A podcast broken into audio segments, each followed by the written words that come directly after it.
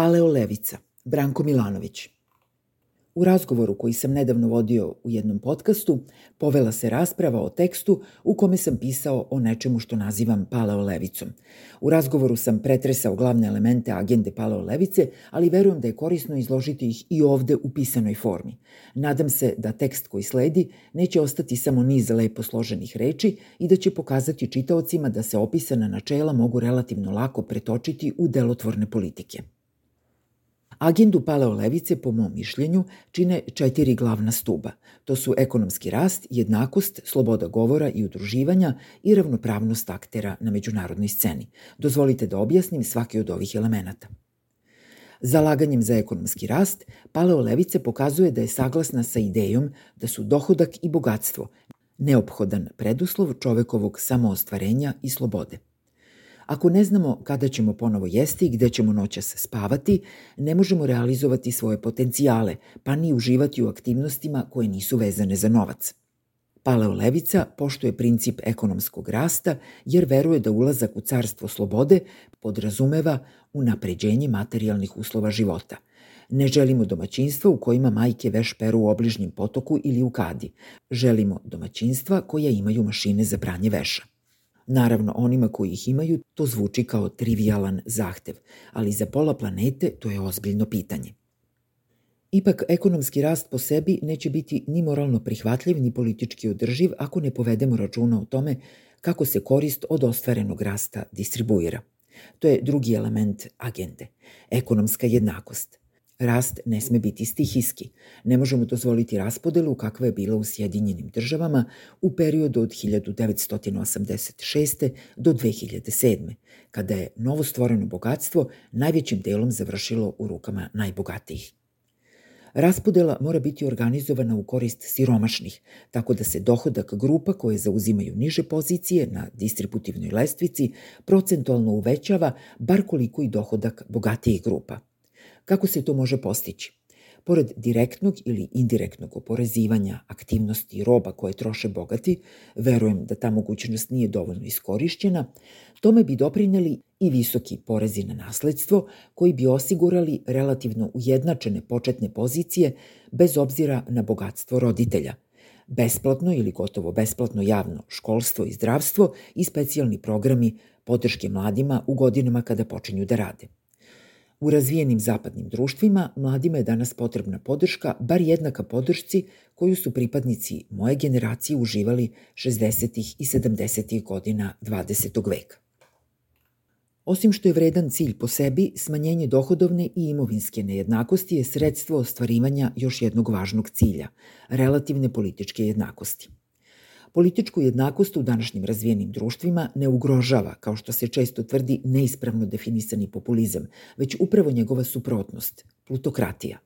Činjenica da bogati finansiraju kampanje, isplaćuju političare, što je samo subtilni oblik korupcije, i kontrolišu najveći broj vodećih medija, obesmišljava ideju političke jednakosti. Po mom mišljenju, paleolevica treba da se oslobodi termina koje je neoliberalni diskurs kooptirao i obesmislio, kao što je demokratija. Moramo se pomiriti sa činjenicom da je neoliberalna plutokratija uzurpirala reč demokratija na isti način na koji su komunistički režimi u istočnoj Evropi uzurpirali reč narod. I jedna i druga su korišćene da se iza njih sakrije pravo stanje stvari. Umesto toga, paleolevica treba da se fokusira na nešto mnogo stvarnije i merljivije. To je aproksimativna politička jednakost. Njeno ostvarivanje podrazumevalo bi finansiranje političkih kampanja iz državnog budžeta, ograničavanje ili zabranu kontrole masovnih medija od strane najbogatijih, Jeff Bezos ne bi smeo da bude vlasnik Washington Posta, i mogućnost ravnopravnog učešća u izbornom procesu, što znači da se radnim ljudima to učešće mora olakšati. Aktuelni izbori u Sjedinjenim državama sračunato su zakazani za radni dan. Nije nikakvo iznenađenje, niti pohvala demokratiji da polovina glasača ne učestvuje u izbornom procesu. Paleo Levica zna da sloboda govora i udruživanja nemaju mnogo smisla bez aproksimativne političke jednakosti.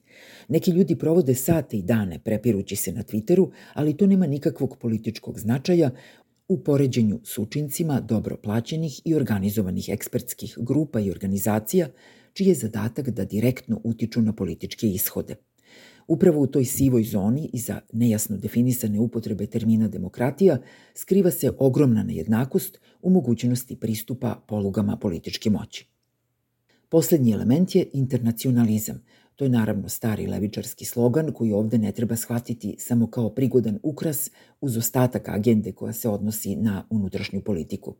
Internacionalizam je integralni deo celine programa. Paleolevica prihvata činjenicu da različite zemlje i kulture na različite načine pristupaju izboru državne uprave i različito definišu političku legitimnost.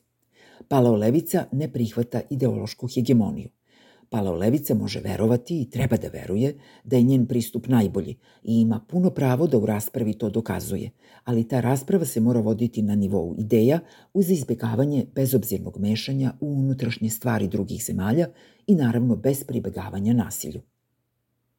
Paleolevica se mora osloboditi pogubne ideje o liberalnom svetskom poredku, ideje koja se svela na frazu koja ili ništa ne znači, jer se značenje menja u skladu s političkim potrebama zagovornika ili predstavlja otvoreni poziv na rat.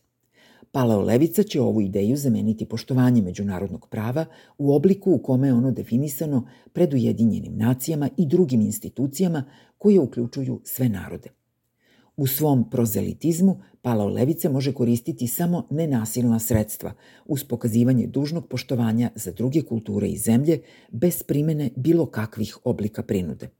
Postoji i niz drugih pitanja koja nisu direktno obuhvaćena ovim jednostavnim pravilima, poput migracija, rodne i rasne ravnopravnosti, odnosa države i crkve i tako dalje, ali verujem da se ostale rešenja mogu relativno lako dedukovati iz ova četiri opšta načela.